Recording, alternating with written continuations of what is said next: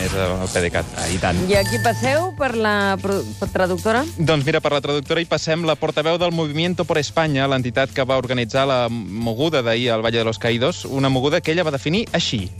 una peregrinación político-religiosa al Valle de los Caídos para pedir a Dios y a los mártires, por intercesión de los mártires y de Franco también, També.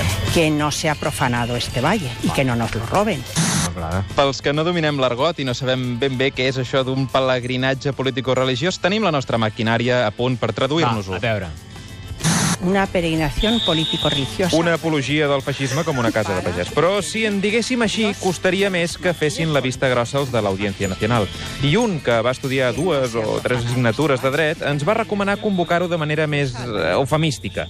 Al final li hem posat pelegrinatge político-religiós, però estàvem entre batejar-ho com a, a ple cornitològic per a l'estudi de la gallina, aprofitant que molts participants duen aus als seus escuts, o bé afegir-nos a la moda del running i dir que era una cursa, una, una mitja marató.